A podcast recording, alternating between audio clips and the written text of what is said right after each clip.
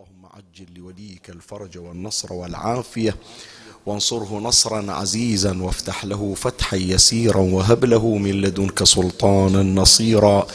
رب اشرح لي صدري ويسر لي أمري واحلل عقدة من لساني يفقه قولي. اللهم افتح علينا أبواب رحمتك وانشر علينا خزائن علومك. نادي عليا مظهر العجائب تجده عونا لك في النوائب. كل هم وغم سينجلي بولايتك يا علي يا علي يا علي يا أبا الغوث أغثني. يا فارس الحجاز أدركني بلطفك الخفي ولا تهلكني. يا مولاتي يا فاطمة بنت محمد أغيثيني يا سيدتي. يا كاشف الكرب عن وجه أخيه الحسين أكشف كربي بجاه أخيك الحسين. صلى الله عليك يا سيدي ويا مولاي يا رسول الله. صلى الله عليك وعلى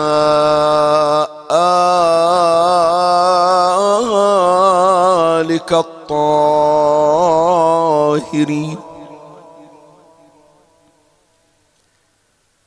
فاز من اعتصم بكم وأمن من لجأ إليكم يا ليتنا كنا معكم. فنفوز فوزا عظيما.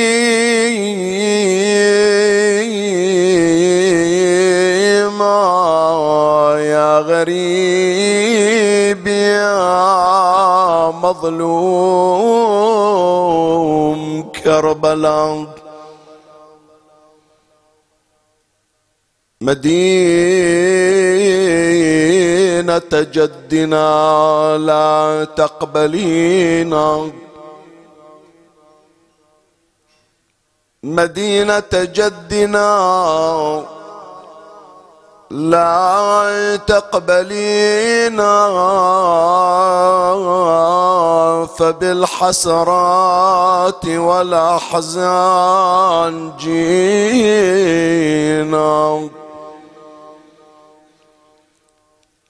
مدينة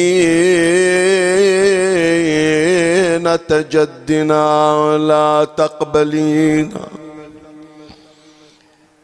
فبالحسرات والأحزان جينا.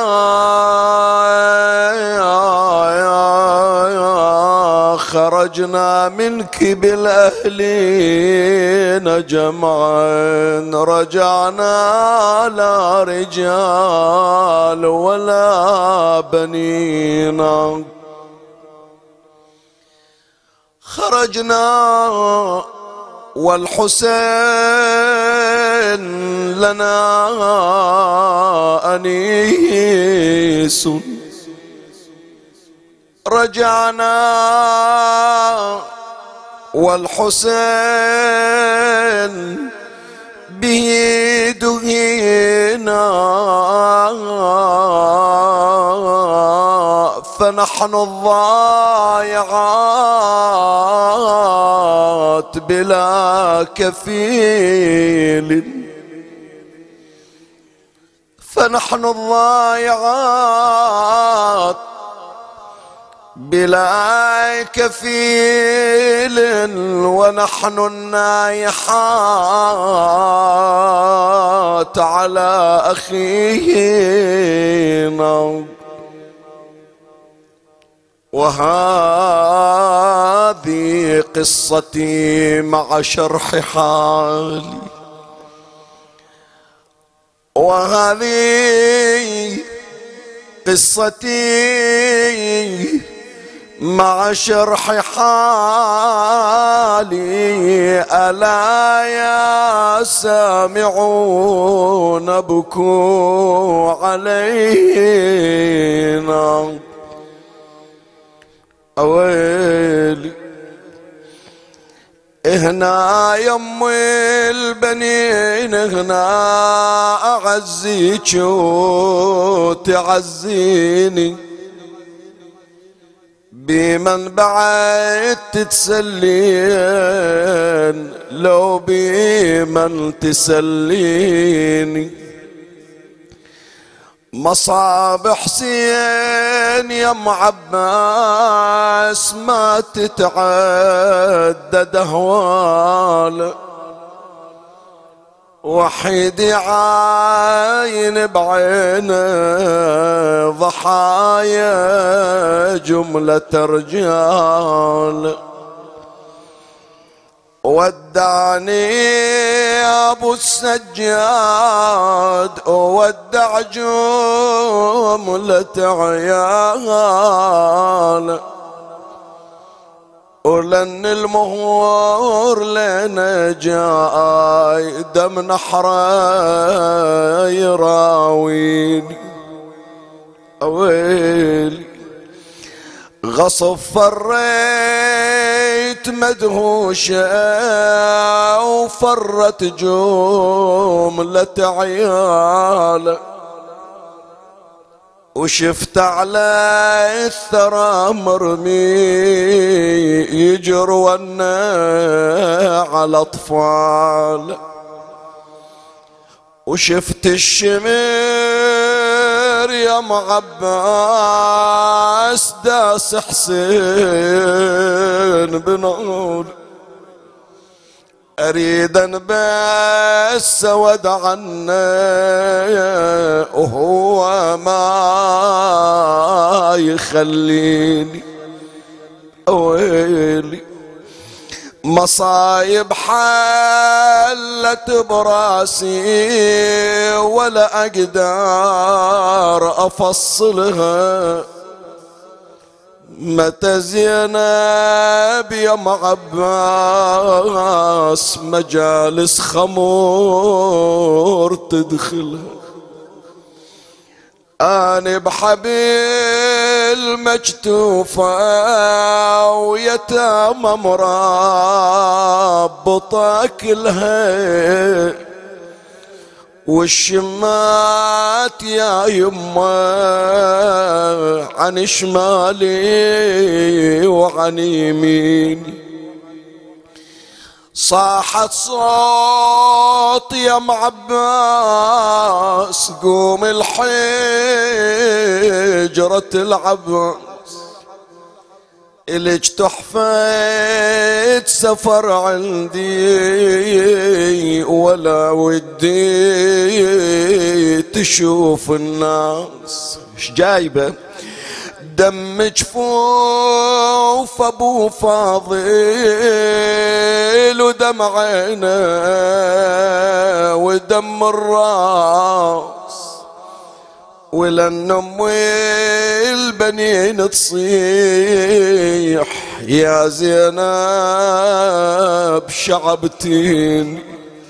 أويل هالتحفة جبتيها هلا وكل الهلا بيها. عجب ما فارقت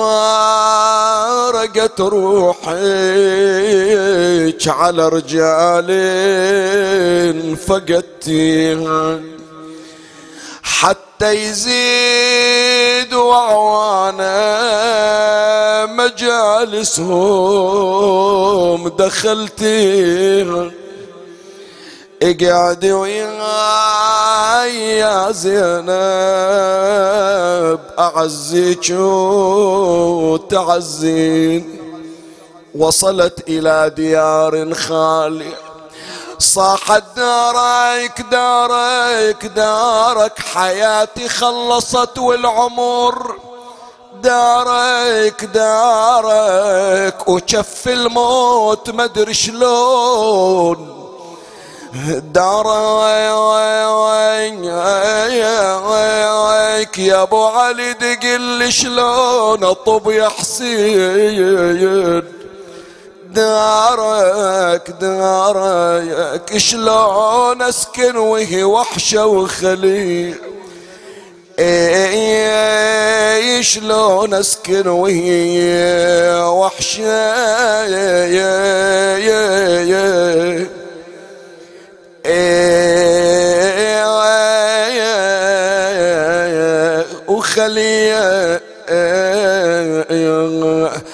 شعراء البحرين يقولون من وصلت زينب إلى بيوتها شافت الوفاد واقفين على دار الحسين. ينتظرون رجعة أبو علي. ينتظرون عطايا الحسين. ينتظرون كرم الحسين. كان زينب من بعيد تأشر عليهم. صاحت على الباب لا توقفوا يا سؤال. وقطعوا الرجا منا ولا مال وشف الذي تعطيكم المال من هالكرم ينهد كالجبال ويا سبحت في جنح لليال وجبريل قبلها ويا ميكال ترى بكربلاء قصها الجمل إنا لله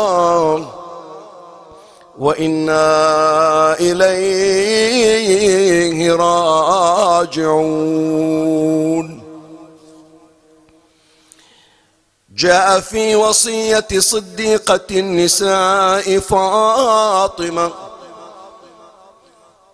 صلوات الله عليها لأمير المؤمنين علي بن أبي طالب عليه السلام. جزاك الله عني خير الجزاء يا ابن عم رسول الله. أوصيك اولا أن تتزوج بعدي.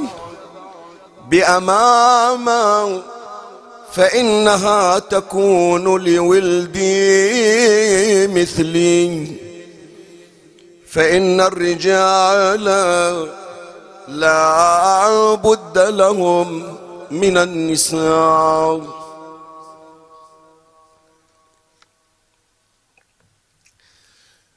من ضمن دلالات هذا المقطع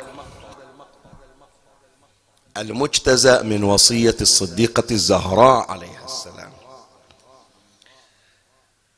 أنها تقرر وتدعو إلى عدم التفريق بين زوجات الأب. يعني لا عبرة للأسبقية في الأمر. لا عبرة مثلا لكون هذه الزوجة جاءت متقدمة أو جاءت متأخرة. ينبغي أن يكون هناك تساوي في المحبة. ينبغي أن يكون هناك احترام متبادل. هذا مع العلم يا إخواني أن مقام الزهراء عليها السلام لا يضاهى بين النساء. لكن شوف تعبير مولاتنا الزهراء عليها السلام. فإنها تكون لولدي أو لولدي مثلي. ومن مثل فاطمة؟ بس مع ذلك هذا نوع من التلطف من أهل البيت نوع من العطاء أنهم يتساوون مع من هم دونهم. شوف حتى على مستوى خادمة كمولاتنا فضة عليها السلام مولاتي الزهراء صلوات الله عليها تقسم الخدمة بينها وبين فضة. مع العلم أنه ينبغي لا يكون هناك تساوي. أمير المؤمنين سلام الله مع خادمه قنبر مو تساوي لا خلي التساوي. يأتي علي عليه السلام ومعه خمسة دار ومعه خمسة دراهم يريد أن يشتري قميصا. فيقف عند حانوت يشوف صاحب الحانوت عنده قميصين يسأل عن القميصين يقول أحدهما بثلاثة والآخر بدرهمين. يفترض شنو؟ الثلاثة علما لأمير المؤمنين سلام الله عليه. مو تمام؟ لعدة اعتبارات. هو أولا اعتبار الإمامة ثانيا اعتبار المولوية ثالثا اعتبار كبر السن وما إلى ذلك من الاعتبارات. لكن أمير المؤمنين سلام الله عليه إذا اشترى القميصين يعطي القميص ذا الثلاثة دراهم إلى قنبر ويأخذ القميص ذا الدرهمين. القنبر طبعا ما أقول يرفض لأن الرفض تجري على أمير المؤمنين سلام الله عليه. لكن هو من منطلق موقعه يعني. يقول له يا أمير المؤمنين شلون يعني أنت تأخذ أبو الدرهمين تعطيني أبو الثلاث؟ الإمام يقول له إنك شاب ولك شره الشباب. يعني يقول أنا مراعي لهذا الأمر. ما يقول غلام وما يقول خادم وما يقول كذا. فأهل البيت سلام الله عليهم. حتى مع ما أعطاهم الله تبارك وتعالى من المقامات فإنهم يفيضون على الآخرين ويرفعون هذا الحاجز. نعم هو يدعو إلى أن يراعي مقام الإمامة لكن هو في التعامل المعصوم لا يتساوى معه. وهذا اللي نلمس من خلال كلمات مولاة الزهراء عليها السلام فإنها تكون لولدي أو, لو أو لولدي مثلي. ومن مثل الزهراء؟ سلام. الله. فإذا كأنما تقول خلنا نجمد الآن مسألة المقامات لكن نتكلم من منطلق الزوجية. من منطلق الزوجية؟ أريدكم تعاملون أمامه كمعاملة كمعاملتكم لفاطمة. زين. إذا تقرر هذا المطلب شوية يا إخواني النفوس نوعا ما مو مستعدة أنها تقبل هالأمر. يعني في مجتمعاتنا في الأعم الأغلب إذا واحد يخلى وفطرته يخلى ونزعته. ما عنده ذاك الارتياح يقول بأنه أنا عامل مرتبوية مثل ما عامل أمي. بل بالعكس كأنما الأصل عند الناس شنو هو؟ أنه هذه زوجة الأب يعتبرونها دخيلة.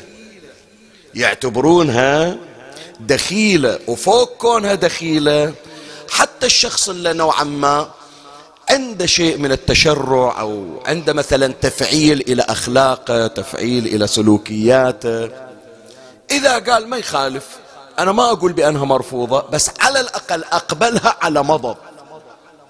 أما أني أعاملها راس براس أمي لا. حتى يعني شوي يعني أذرني أقول لك بس كأنما الأدبيات اللي ورثناها من اللغة العربية أسهمت في تكريس هذا المعنى. يعني شوف زوجة الأب في اللغة العربية شو يسمونها؟ يسمونها ضرة. مو تمام؟ فلانة ضرتها. ضرتها كأنما مأخوذة من شنو؟ من الضر. حتى يوم جاء واحد مثلا قال لا خلنا نتجاوز عبارة الضرة ناخذ لفظ مرادف. إيش سموها؟ سموها علة. إيه حتى أنه من أجمل ما قيل كأنما يسأل أحد العلماء. لما نرى المسلمين مع علي بن أبي طالب كولدي علة. يعني ليش المسلمين يعاملون علي بن أبي طالب مثل ابن الضرة مثل ابن العلة؟ هو ذا قال يعني ما يلامون الناس لأن عليا استغنى عنهم واحتاجوا إليه. ما يتقبلون علي ثقيل على نفوسهم. إيه عامله. شاهد وين؟ ابن علة وابن ضر. أقول كأنما الأدبيات كرست هذا المعنى وكأنما المتسالم عند الناس أنه لا من تجي مثلا زوجة ثانية أو ثالثة لابد أن تعامل بدونية لابد أن تعد شخص مرفوض في الأسرة. بينما هذا المعنى انصافا من نجي نقرأ في سيرة أهل البيت سلام الله عليهم. ما موجود هذا الكلام عندهم. وهذا أصدق مثال مولاة الزهراء عليه السلام. شوف منو منو تقول أنه أريد وحدة تجي تاخذ مكاني؟ ومو تاخذ مكاني يعني أنا متفضله عليها لا. تعاملونها كمعاملتي بينكم. فإنها تكون لولدي مثلي. يعني واحدة من الاستفادات أن نعدها عاطفة كعاطفتي. وهذا طبعا استنتاج بعيد لأنه مهما بلغت عواطف البشر ككل. لا يضاهون قطرة من بحر عاطفة فاطمة. إنصافا يعني. خلي شوية مدام مريت يعني هذا من من ضمن الإثارات. أنا أذكر في إحدى مجالس شهادة مولاة الزهراء عليه السلام في قم المقدسة أحد الخطباء وهو من المجتهدين التفت إلى لفتة جدا. يقول أمر غريب ما وجدناه إلا في خصوصيات مولاتنا الزهراء عادة يعني أنا في محضر العلماء عادة اليتيم مصطلح اليتيم يطلق على من؟ على الذي فقد الأب لا الأم. إلا فقد أمة وأبوه موجود لا يطلق عليه يتيما. لكن الغريب شوف مولاة الزهراء عليه السلام شوف العبارة. قالت ولا تصح في وجهيهما فإنهما يصبحان شنو؟ يتيمين غريبين. بالأمس فقدا جدهما واليوم يفقدان أمهما. هذا المرجع الديني من ألقى الكلمة قبل كم سنة يقول أمر غريب أصلا. شلون يصيرون أيتام مع حضور أمير المؤمنين صلى الله عليه وسلم؟ وهو كافل الأيتام ثم هو أبوهم الفعلي. ثم الحكم الشرعي أنه لا ينطبق حكم اليتيم على فاقد الأم لكن يقول يوصل الأمر إلى الصديقة الزهراء عليه السلام لا مستثنى بإلا فاطمة. وضعها استثنائي مولاة الزهراء عليه السلام فقدها يت فقدها يتم. اللي عنده أم مثل فاطمة ويحرم منها حتى ولو كان عنده أب كعلي بن أبي طالب عليه السلام فإنه يتيم الفراق لفاطمة يتيم الفقد لفاطمة. فإذا إنصافا يا إخواني هذا الدرس من الزهراء عليه السلام بأبي وأمي. ينبغي أن يسترعي انتباهنا. ويفتح لنا باب للتعرف على معاملة أهل البيت عليهم السلام لزوجات الأب. هذا اللي راح إن شاء الله نبحث في هذه الليلة. ليش إحنا ثايرين هذا الأمر؟ أنا أقول لك ليش. لأن المناسبة اللي مرت علينا مناسبة رحيل سيدتنا قاضية الحاجات فاطمة أم البنين عليها السلام. ترى لا يخفى عليك شوية يعني لو نتأمل في مقامات مولاتي أم البنين ترى يحلحل بعض المشاكل العالقة. لو تتأمل على أن أم البنين عليها السلام هي زوجة أب جاءت بعد الزهرة وتنظر إلى كيفية معاملة الحسنين عليهما السلام والحوراء زينب والفاطميات لأم البنين من قيام من ترحيب من تقدير من هذه القضية اللي أنتم سمعتوها يعني إحنا نشأنا عليها من الصبا. مولاتي زينب عليها السلام لما التقت بأم البنين حال رجوعها هكذا إما يحكى أو يروى لكن هكذا أثر. بمجرد أن رأت الحوراء زينب عليها السلام أم البنين مقبلة شنو كانت صيحتها؟ وأخاه وعباسه. مع العلم أن الصياح ينبغي أن يكون على من؟ للإمام الحسين عليه السلام. هي تقول وولداه وحسينه والحوراء زينب تقول وأخاه وعباسه مع العلم أنها إذا قالت زينب أو أي أحد قال وحسينه ترى هو يقولون أنه أردت الكل. بإبراز المصداق الأظهر وهو الحسين عليه السلام. يعني أنت تقول من الحسين؟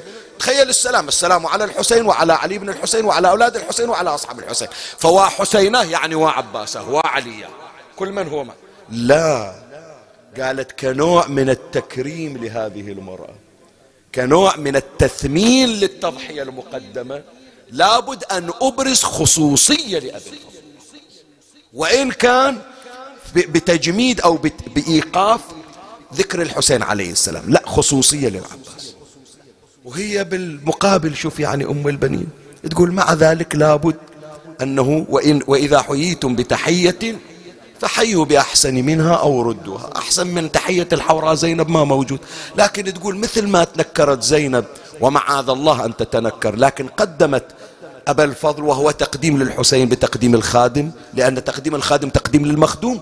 لكن هي قالت أم البنين وولداه وحسينه يعني لا قيمة للخادم مع ذكر المخدوم. فأقول ذكر مولاتي أم البنين في هذه الشهادة في هذه المناسبة هذه دعوة. دعوة للي عنده شيء من التشنج شوية يحاول أنه يرطب مشاعره من جديد ويحاول يقتبس من دروس مولاتنا أم البنين. هذا واحد. ثانيا إذا موجود مشاكل عالقة إنصافا يعني كثير من البيوتات في كثير من المجتمعات إلى الآن يعني أنه هذه إجت اقتحمت حياتنا سببت لنا مشاكل وظل ملف ملف عالق. هذا الآن أنت من تبكي ومن تحيي ذكرى مولاتي أم البنين عليه السلام. ترى تحيي زوجة أب صالحة ذكرى زوجة أب صالحة. ومراعاة لأبناء كأهل البيت عليهم السلام لامرأة بمقام وقامة أم البنين صلوات الله عليها. فإذا هذه توطئة وتمهيد. أريد أن أخوض معكم في غمار البحث هذه الليلة مكون من فصلين أمر عليهما إن شاء الله بحسب ما يتسع لي المجال. وأريد أن أستعرض معكم كيف كان يتعامل أهل البيت عليهم السلام مع زوجات الآب. هذا هو تلخيص حديثي لهذه الليلة ومن الله أستمد العون والتوفيق ومن مولاي أبي الفضل العباس المدد وألتمس منكم الدعاء وصلوا على محمد وآل محمد.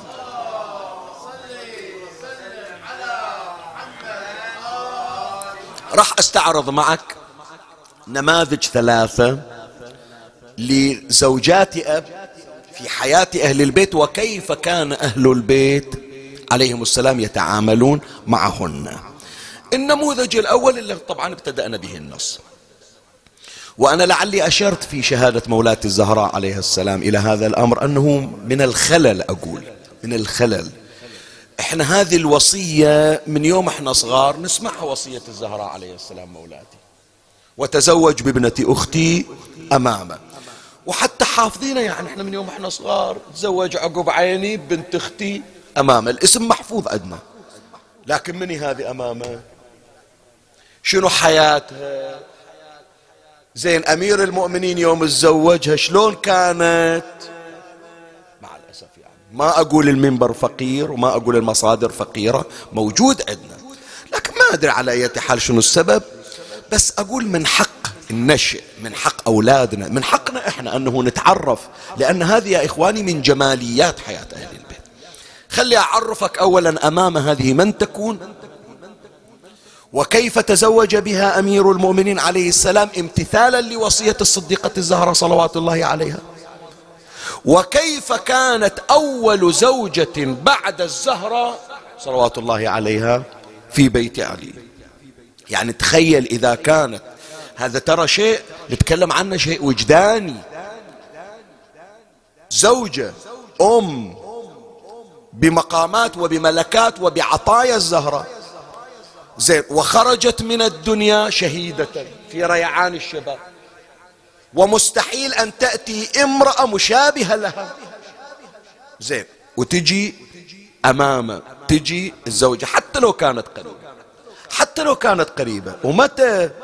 يعني عادة عند أعراف الناس ما يخالف. أنت تريد تتزوج عقب أمنا؟ على الأقل انتظر سنة سنتين يلا شوي جرح الأم يبرد الآن تتفاجأ من بعض الأمور.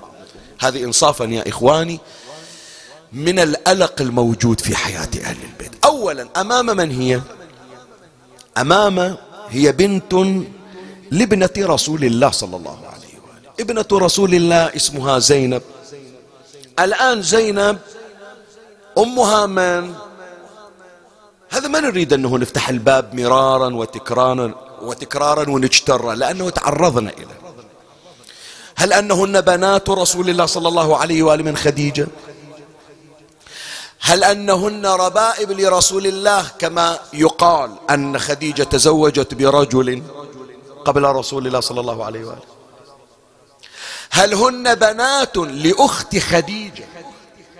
فلما ماتت أخت خديجة كفلتهن خديجة فهن ربائب لخديجة كما أنهن ربائب لرسول الله. هل أنهن ربائب لأخت خديجة؟ هناك نظرية رابعة بأن الرجل التي الذي تزوج بأخت خديجة بنت خويلد هذا كانت عند ذرن البنات زينب ورقية وأم كلثوم. وصرنا البنات عند أخت خديجة. فعاملتهن معاملة بناتها. ثم لما ماتت عاملتهن خديجة كبنات أختها بل كبناتها. وعاملهن رسول الله صلى الله عليه وآله كبناته. فصرنا ربائب لخديجة وربائب لرسول الله. هذه نظريات يعرضونها. لكن إنصافا ما تطمئن له النفس أنهن بنات رسول الله من خديجة. كما يذهب إلى ذلك مجموعة من علمائنا. هن بنات رسول الله من خديجة يعني خديجة لم تتزوج بأحد غير رسول الله وقد أنجبت هؤلاء البنات من رسول الله وهن زينب ورقية وأم كلثوم وفاطمة بنات محمد. اللهم صل على محمد وعلى محمد. وأيا كان يترك ذلك إلى تحقيق العلماء لكن محصلة هذا كله بأن زينب سواء كانت بنت لخديجة أو بنت لأخت خديجة أو غير ذلك أنجبت بنتا يقال لها أمامه. من أبوها؟ يسمونه أبو العاص ابن الربيع. قصة أبي العاص بن الربيع هذا مو معرض حديثنا الآن لأن قصة أصلا هي شائكة وتتوسع يعني وفيها فوائد وفيها استثمارات. يجيبون عنوان الإجارة في الإسلام يستشهدون بأن زينب بنت رسول الله أجارت زوجها أبا العاص لأنه كان على كل حال منحرف دينيا. هذا خليه يترك إلى مظانه. بس أيا كان هذه البنت أمام بنت زينب كانت خديجة تحبها حبا جما. وكان رسول الله صلى الله عليه وآله يحبها حبا جما. ويعاملها معاملة مميزة. وتركزت وتوثقت هذه العلاقة لما ماتت زينب بنت رسول الله في حياة رسول الله. فالنبي صلى الله عليه وآله أفرغ على أمامه حبا مضاعفة. هي مرة الظاهر مرة يقولون أمامه بهذا التحريك ومرة يقولون أمامة. وعلى أي حال أنا شفتها أمامة يعني عند البعض. أيا كان. فمولاي الكريم أنت النبي صلى الله عليه وآله وهو أبو الرحمة صب جام رحمته على ابنة زينب أمامه. أولا لحب خديجة ثانيا هو يحبها وهي تحب رسول الله صلى الله عليه وآله. ثالثا فقدت أمها فصارت الرحمة مضاعفة من رسول بحيث يقولون أنه مرات النبي صلى الله عليه وآله ساجد وهي من زود حبها إلى النبي تصعد على ظهره وهو في السجود فيطيل سجودا وكانت تحب أن ترتقي كتف رسول, رسول الله وعاتق رسول الله صلى الله عليه وسلم. فكان يحملها على عاتقه. وكان إذا بعث بهدية إلى رسول الله صلى الله عليه وآله يؤثرها دون غيرها. حتى من ضمن ما ينقل يقولون يوم من الأيام أهديت قلادة من جزع إلى رسول الله صلى الله عليه وآله. جابوها إلى النبي فقال النبي لأهدينها إلى أحب أهلي إلي بعض من زوجات النبي أخذتهن الغيرة. اي بوديها لمنو؟ لأي مرة؟ لأي زوجة؟ شوفوه أثاري ما دار على واحدة من زوجاته. علقها في رقبة أمام بن زينب من فرط حبه له الزهراء بأبي وأمي أيضا وهي سيدة الرحمة. أيضا رحمة النبي ورحمة أمها خديجة ورحمة أختها زينب صارت تحبها الأمام. تعاملها مثل البنت تعاملها مثل الأخت تعاملها على أنها قطعة من لحمها. فلهذا في وصيتها قالت وتزوج بعدي بأمامة في, في إنها تكون لولدي مثله وأمير المؤمنين فعلا قال ثلاث ما وجدت لهن بدا واحدة منها التزويج بأمامة الآن شوية يمكن هذه تثير حفيظة البعض بس تحتاج إلى قلب شوية منفتح. متى تزوج أمير المؤمنين بأمامة؟ تستغرب أنت يعني. وهذا يمكن صدمة عند البعض. لأن إحنا مترسخ في الأذهان أنه تريد تتزوج عقب مرتك على الأقل تنتظر سنة. أنا أعرف عن بعض المشاكل صارت أنه آه، هذا الزوج الأرمل بعد رحيل زوجة تحتاج إلى زوجة. فيتزوج أفرض مثلا في الأربعين. بعض من أولاده يقاطعه يقول هذا ما حفظ حرمة أمنا ما عرف مقام أمنا ما مضت الأربعين. بعضهم يستخدم يقول بعد التراب قبرها رطوب راح تزوج غير زين تعال استغرب أنت. شوف أمير المؤمنين عليه السلام من تزوج أول زوجة بعد فاطمة عليه السلام. متى؟ روايات تقول أنه تزوج بعد ثلاثة أيام. يعني بعد هي الفاتحة ما خلصت. عندنا روايات أخرى لا. تقول في نفس اليوم دفن علي فاطمة ليلا وعقد على أمامه يوم الآخر يعني يوم 14 جماد الأول شيخنا هذا مو وفاء من علي. شنو بسرعة نسأل لا إحنا مو جايين إحنا نستلهم الوفاء منه لكن يا إخواني أهل البيت ترى يتعاملون وفق الشارع. لا يجوز تعطيل تنفيذ الوصية هو ملزم. هو ملزم عاهد فاطمة على إنفاذ وصيتها والتزويج لا مبرر لتأخيره. ما أدري يعني هكذا يعني عقل القاصر بهذا المستوى. على أي حال فإنه تزوج بأمامه. زين الآن تصور امرأة شابة وفاطمة ريق في تفاحة الفردوس الأعلى وأولادها صغار. تعال شوف. إحنا هذا اللي نريد نقوله. شوف أهل البيت شلون تعام ما قالوا هي وحدة دخيلة. ما قالوا هذه وحدة إجت ماخذة مكان أمنا. لا كان الحسن والحسين يحبانها حبا جما. إلى أن كبرا في السن وكانا يترددان على زيارته. يعني تصور المفروض هي تجي تزور الأئمة. لا الإمام الحسن الإمام الحسين صلوات الله عليهما عندهم زيارة دورية إلى أمامه تحديدا أمامه ليش؟ حبا منهما لها ولأمهما ولجدهما فكانا يخرجان لزيارتهما. حتى أنها لأنها أمامه بقيت بعد استشهاد أمير المؤمنين سلام الله عليه. في مرضها يقولون أنه في ختام حياتها ثقل حالها فانعقل لسانها. صارت ما تحكي. ما أدري لمرض أو لسبب أو لعلة أيا كان.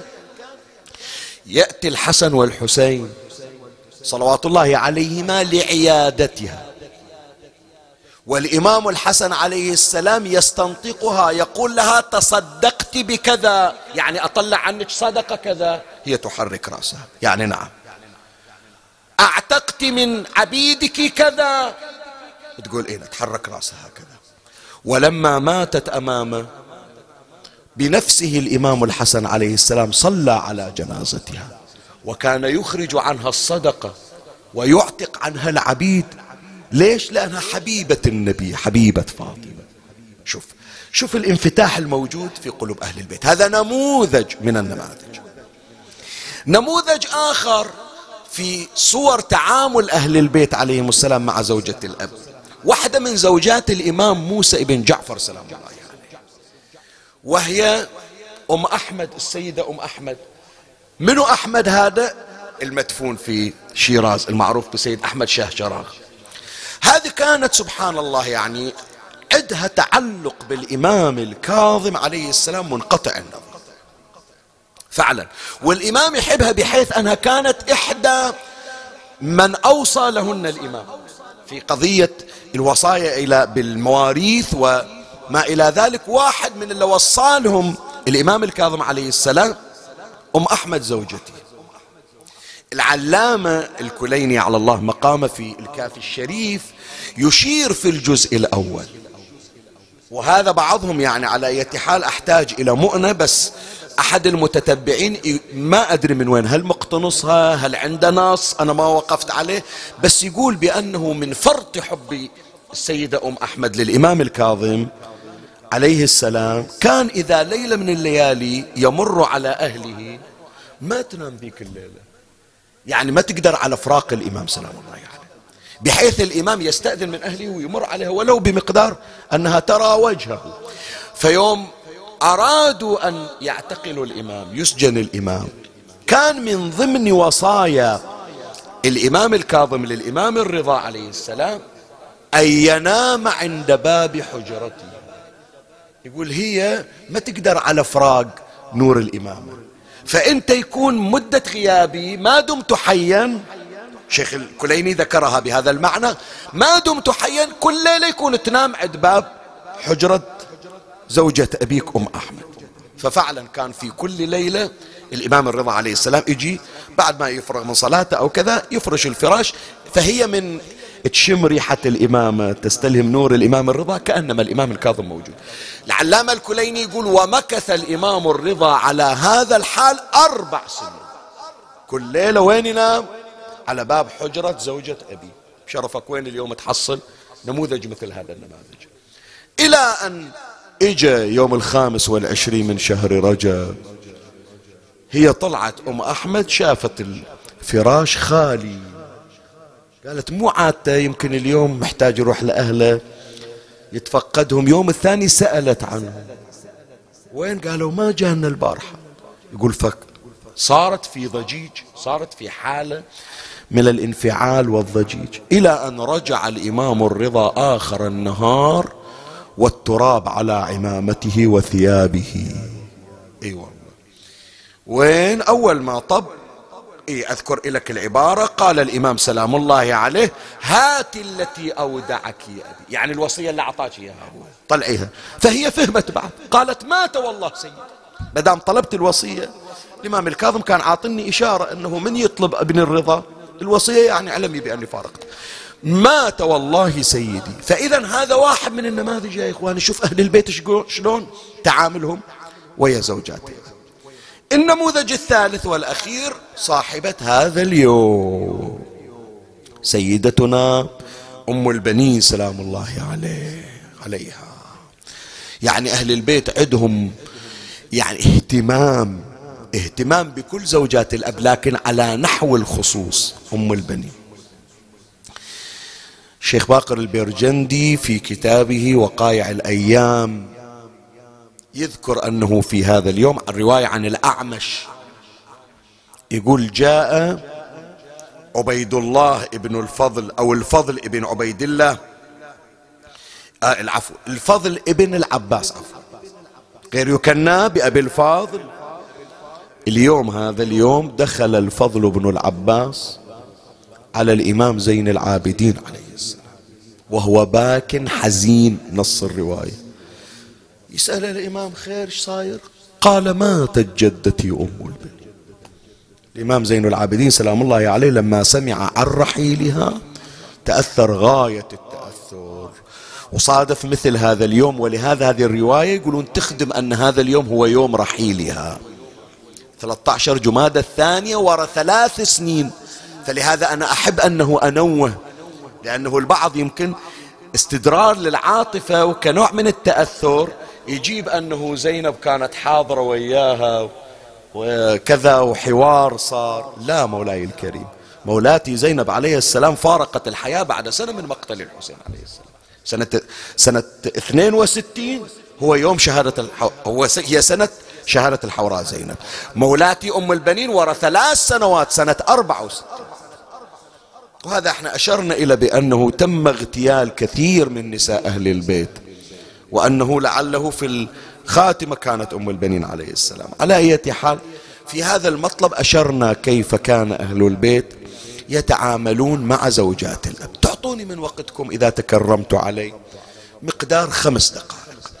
أشير إلى المطلب الثاني لأنه جدا مهم. شنو هذا المطلب؟ دائما يأتي سؤال. لماذا لا نرى تواجدا لأم البنين قبل واقعة كربلاء؟ ليش ما نسمع عن أم البنين إلا في واقعة الطف؟ زين وقبل واقعة الطف. يجون أحيانا في شهادة أمير المؤمنين سلام الله عليه يقولون شيخنا ليش ما سمعنا ذكر لأم البنين؟ أم كلثوم سمعنا عنها. حوراء زينب سمعنا عنها. حوار بين علي وحوراء زينب. أصلا اسم أم البنين ما يمر. في شهادة الإمام الحسن ما يمر. خلاص طلع اسم أم البنين متى؟ نعم. في ولادة أبي الفضل العباس يجي ذكرها بأبي وأمي. في خطبتها يجي ذكرها. أما في الحوادث اللي مرت لا نرى ذكرها ولا نرى تواجدا لها. وينها أم البنين؟ يطلبون تعب. زين أنا ما أجي أختلق لك رواية بس أنا أقول لك شنو السبب. وهذه طبعا مو بس أم البنين. لا خلي أذكر لك أولا الأمر اللي تبني عليه يعني معيار وضابط إخواني.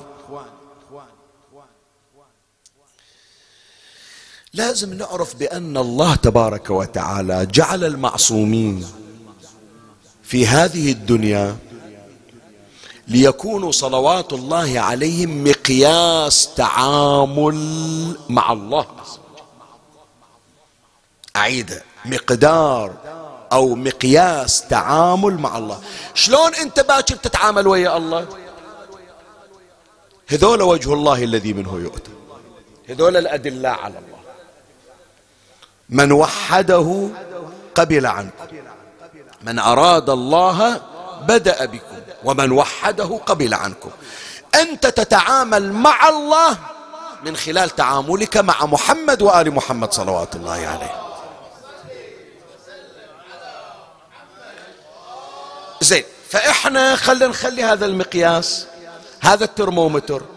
انت ويا أهل البيت شلون تتعامل وياهم؟ بتعالي. والله أنا لا تجي تجيب لي رواية وحديث تقرأ علي. أنا شهادتي جايبينها من لندن جايبينها من الولايات المتحدة. أنا متعلم ومطلع على موسوعات. هذه رواياتك ما تفيدني. هذه قبل ألف سنة وألف وأربعمائة سنة. عندك نزعة تعالي. ترى نفسك بأنك لا استطعت أن تتحصل على كم من المعلومات تقول بحيث تقول لو علي بن أبي طالب موجود لو جعفر الصادق موجود أنا أعلمه. خابيننا وخابصيننا والله. طلع لنا جابر بن حيان وجابر بن حيان. اليوم أنا أطلع لك عشرة من جابر بن حيان. زين. هذا مقبول هالكلام؟ لا. النبي صلى الله عليه وآله يقول لا تتقدموهم فتهلكوا. فإذا من يجي هذا المقياس وتشوف نفسك أعلى من أهل البيت هذا إذا علامة إلى الهلكة هذا خطأ. حط عليه إكس لا شيخنا. مستحيل أنا أتعالى على أهل البيت. إذا شو تشوف؟ تساوي راسي براس علي بن أبي طالب راسي براس الحسين عليه السلام. وما أدري لو يفيدون أساتذتنا ومشايخنا. لا تتقدموا. مو معنى مجازي فقط. لا يستفاد منه فقط المعنى المجازي. أنه لا أتقدم عليهم في القول حتى التقدم بالخطوة بل حتى المساواة. من حقهم علينا ولهذا ورد في سيرهم أن المأموم لا يتقدم الحسن وهو الإمام سلام الله عليه. الحسن وهو الإمام. إذا إجا الإمام الحسين يقولون ما رؤي كتف الحسين ملاصقا بكتف أخيه الحسن. وهما إمامان إن قام وإن فالظاهر بأنه لا يؤخذ بالمعنى الحقيقي عدم التقدم الفعلي الجسماني وعدم التقدم في القول وغير القول. هكذا يستفاد يعني. زين. فإذا واحدة من هالتعالي مرفوض التساوي أيضا مرفوض. ما أقول أنا والحسين واحد أنا والصادق واحد. زين. إذا شنو المطلوب؟ تصاغر هذا المرتبة الثالثة الدرجة الثالثة. شلون؟ أقول لا. علي فوق أنا دون علي. هذا مستوى موجود عند البعض أنه يرى نفسه صغيرا أمامه. هذا مستوى وهو مستوى كامل. المستوى الأكمل شنو هو؟ المستوى الأكمل أن لا ترى نفسك شيئا أمامه. يا نفس من بعد الحسين شنو؟ هوني وبعده لا كنت. مو هو إمام أنا, أنا لا شيء أمام الحسين. شوف هذا المستوى الأكمل. أن كما تفنى في الله عز وجل أن تفنى في المعصوم. إذا هذا المطلب تقرر إذا هذا أخذت كمرتكز هذا يفسر لك ليش ما تشوف كلمات لأهل البيت في حضور المعصوم. وليش ما تشوف لهم وجود. هو وجودهم موجود لكن لا يظهرون هذا الوجود. خلي أجيب لك النموذج الأروع. وأي نموذج أروع من أمير المؤمنين علي بن أبي طالب. سلام الله عليه.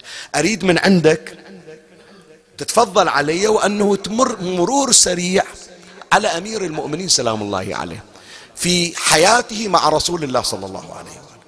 هل تجد لعلي خطبة في زمن النبي؟ هل تجد لعلي بن أبي طالب قال وقلت قال محمد وقلت؟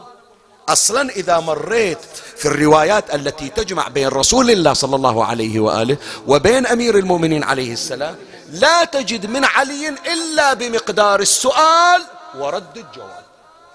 وحتى رد الجواب رد الجواب بشيء مقتضب يعني لا يرى علي لنفسه وجودا أمام رسول الله. وهذا كتاب نهج البلاغه اللي جمع الشريف الرضي رضوان الله عليه. كل هذا متى صار لما بعد رحيل رسول الله. كل من بعد رحيل رسول. الله تأبين رسول الله تأبين فاطمة شايف؟ كل هذا الخطب المكاتبات. أما ندور لنا خطبة لعلي عليه السلام في حتى في المواقف الحساسة.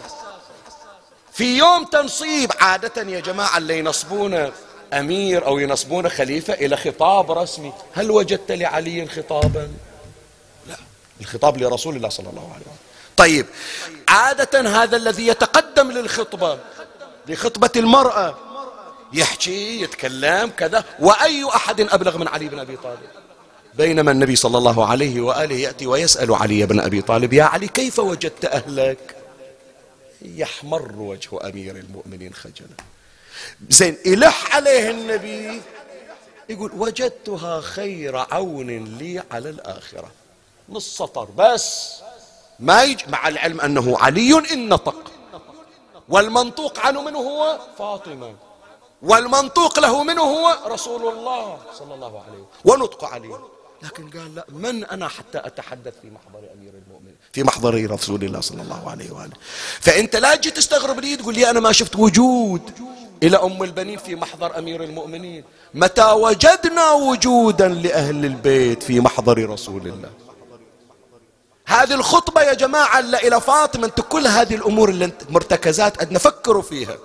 ما دام مولاتي الزهراء عندها خطبة فدكية بها هل خطبت فاطمة مثلها في حياة رسول الله؟ أبدا. هو رسول الله. وأنا فاطمة أنا لا قيمة لي في محضره. وإن وجدت هذه القيمة وهذا المقدار فبتفضل منه علي. وعلى مثل هذه هذه من علاه إحدى المعالي وعلى مثلها فقس ما سواها. من هذا المنطلق يا إخواني خلي أذكر لك وإنت الليلة فتش وافتح عقلك وقلبك قبل العقل. بنات الزهراء عليه السلام اثنتان الحوراء زينب وأم كلثوم. دور لي في وجود زينب متى تكلمت أم كلثوم. ما تشوف. لا قالت زينب وقالت أم كلثوم. نعم. بم... هي أصلا أنت هذا اللي موجودة عندنا في يوم الحادي عشر تقول لها زينب أخي اركبي. تقول لها لا أنت اركبي. يعني أنا لا أتقدم عليك. كذلك أيضا يا إخواني بنات الإمام الحسين عليه السلام. شوف كل واحدة إلها مقام. فاطمة بنت الإمام الحسين أنا الآن في آخر اللحظات يعني في هالدقيقتين وأختم الحديث انتهينا. شوف بنت الإمام الحسين فاطمة يصفها الإمام الحسين بأنها تشبه الحور العين وهي أشبه بجدتها فاطمة. شوف بيان مقام فاطمة. لكن مقام سكينة يقول لا. وأما ابنتي سكينة فإنها قد استغ فإنها امرأة استغرقت في الله. يعني مهما بلغ مقامات بناتي مقام سكينة لا مختلف. فلهذا تشوف دائما المتحدثة الناطقة الملازمة لزينب من هي؟ سكينة. بقية البنيات تقول لي ليش شيخنا ما نسمع اسم فاطمة العليلة؟ ليش ما نشوف ذكر؟ هذول لا يجدون في أنفسهم شيئا أمام المقام الأعلى. فإذا كان هذا هو الأمر بالنسبة لعلي لفاطمة للحسن. الإمام الصادق اللي تسمع عنه مدرسة مخرج له أربعة آلاف تلميذ وأكثر. يوم موجود الإمام الباقر سمعت إلى درس خاص سمعت إلى كلام خاص. كم هائل من الأحاديث. نعم. يمشي كمشية علي خلف رسول الله. فلا نستغرب إذا جئنا لأم البنين. وهنا أختم هذا الكلام كله. أقول أعرف الناس بالله من هو؟ رسول الله صلى الله عليه ولما جاء رسول الله صلى الله عليه وآله في معراجه إلى الحضرة القدسية عند سدرة المن... عند سدرة المنتهى خر لله ساجدا. بعض الروايات وكان يبصبص بسبابته. بعضهم يقول لا سجد لله. لا نطق لا كلام. من الذي استنطقه الله عز وجل؟ يا محمد. سل تعطى واشفع تشفع. يعني لولا لو لم يأتي النبي هذا الخطاب بأي ينطق بأي يتكلم يقول لا أنا في محضر مقتضى الأدب مع الله عز وجل ألا أنطق. حتى جاء سل فأكو أمر سل تعطى واشفع تشفع. حتى الخطاب يا إخواني بكلمة لأن يقول منو أنا حتى أطولها؟ أنا عابد وهذا راب. وهو راب ونعم الراب. فلهذا اكتفى بكلمة سل تعطى واشفع تشفع إيش قال؟ أمتي. أم بس خلاص أمتي. شوف ال... شوف الأدب. فإذا رأيت محمدا في سدرة المنتهى اسمع خليها في بالك. إذا رأيت محمدا عند سدرة المنتهى فسدرة منتهى أم البنين أمير المؤمنين علي بن أبي طالب. إذا رأيت محمدا كيف يتعامل مع الله في سدرة المنتهى فإن أم البنين تتعامل مع الله عند سدرة منتهى وسدرة منتهاها هو أمير المؤمنين فلهذا لا وجود لها. طول هالمدة أم البنين ما ينسمع عليها صوت انسمع عليها صوت يوم صاح بشر ابن حذلم يا أهل يثرب إي والله ذيك الساعة طلع صوت. يا ناعي هيجت علي حزاني وأثرت علي جروحا لما تندمل فمن تنعى يرحمك الله. صاحت يا ناس بلد فرجولة خلوه يحول عن ذلوله صعب علي ما أقدر وصوله من كثرة الوقاف حوله. سمعوا حكيها وأخبروا له جاها وهو يرفل ذلولة نادت دمعتها. همولة يا من سويت في هالبلد غولة أبا سايلك بالله. ورسوله يوم التقى وذوله وذوله. عباس بيض وجهي لون. اي عباس بيض وهاي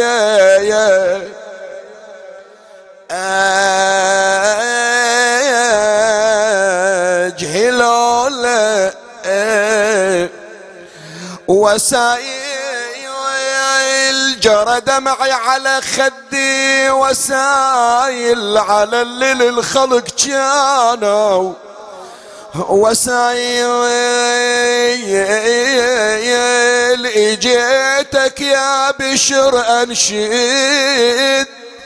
وسايل وسايل رد حسين واولادي إلي. رد حسين وأولادي.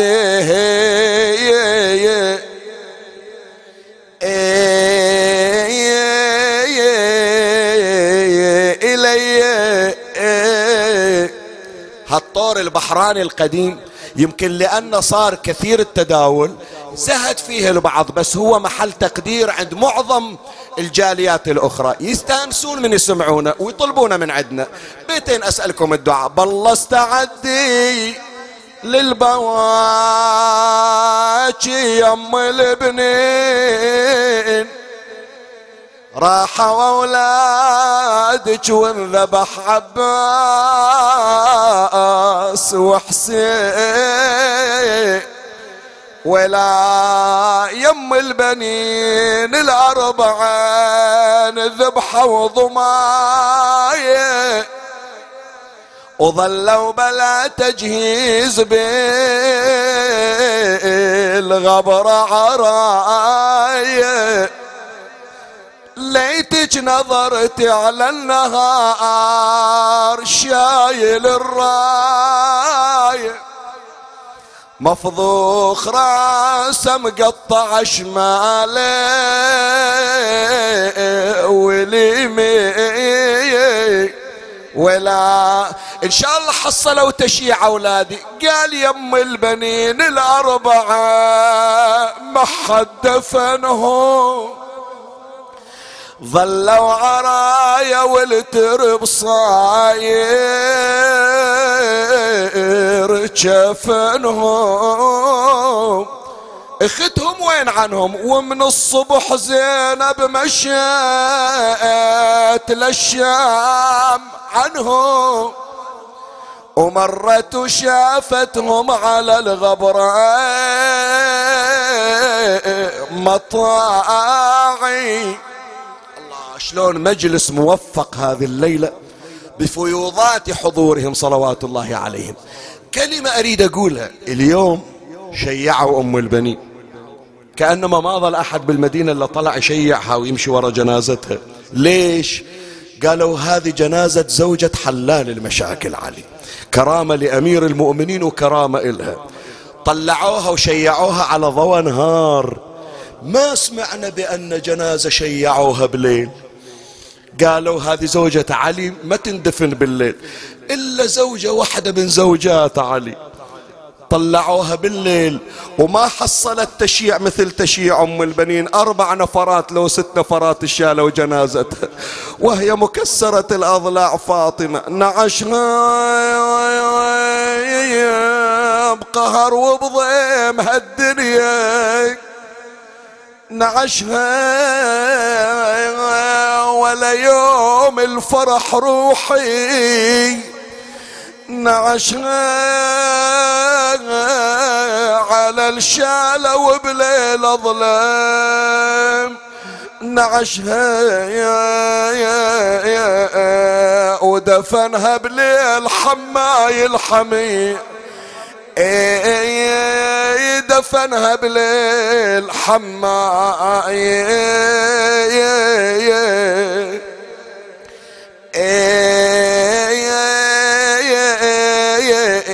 الحمي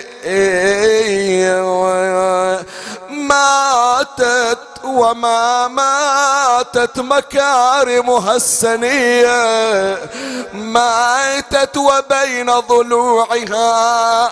أثر لضرب الأصبحية. يا قلوب ذوب هلي دمعي على الصاحة يفض انكسر. وبكسر ذاك الضلع رضت أضلع في طيها. سر الإله مصون.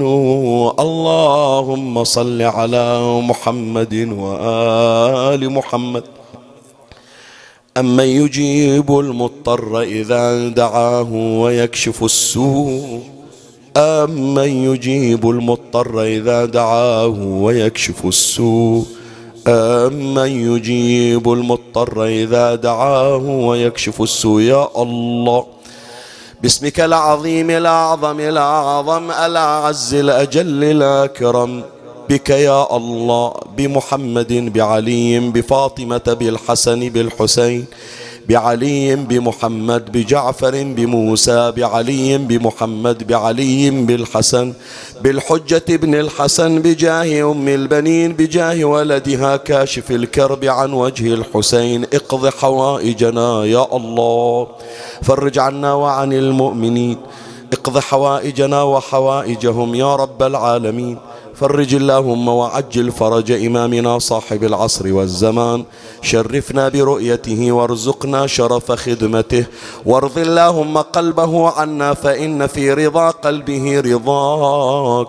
ترحم على أمواتي وأموات الباذلين والسامعين والمؤمنين في مشارق الأرض ومغاربها. أوصل لهم ثواب هذا المجلس وبلغهم ثواب الفاتحة مع الصلوات.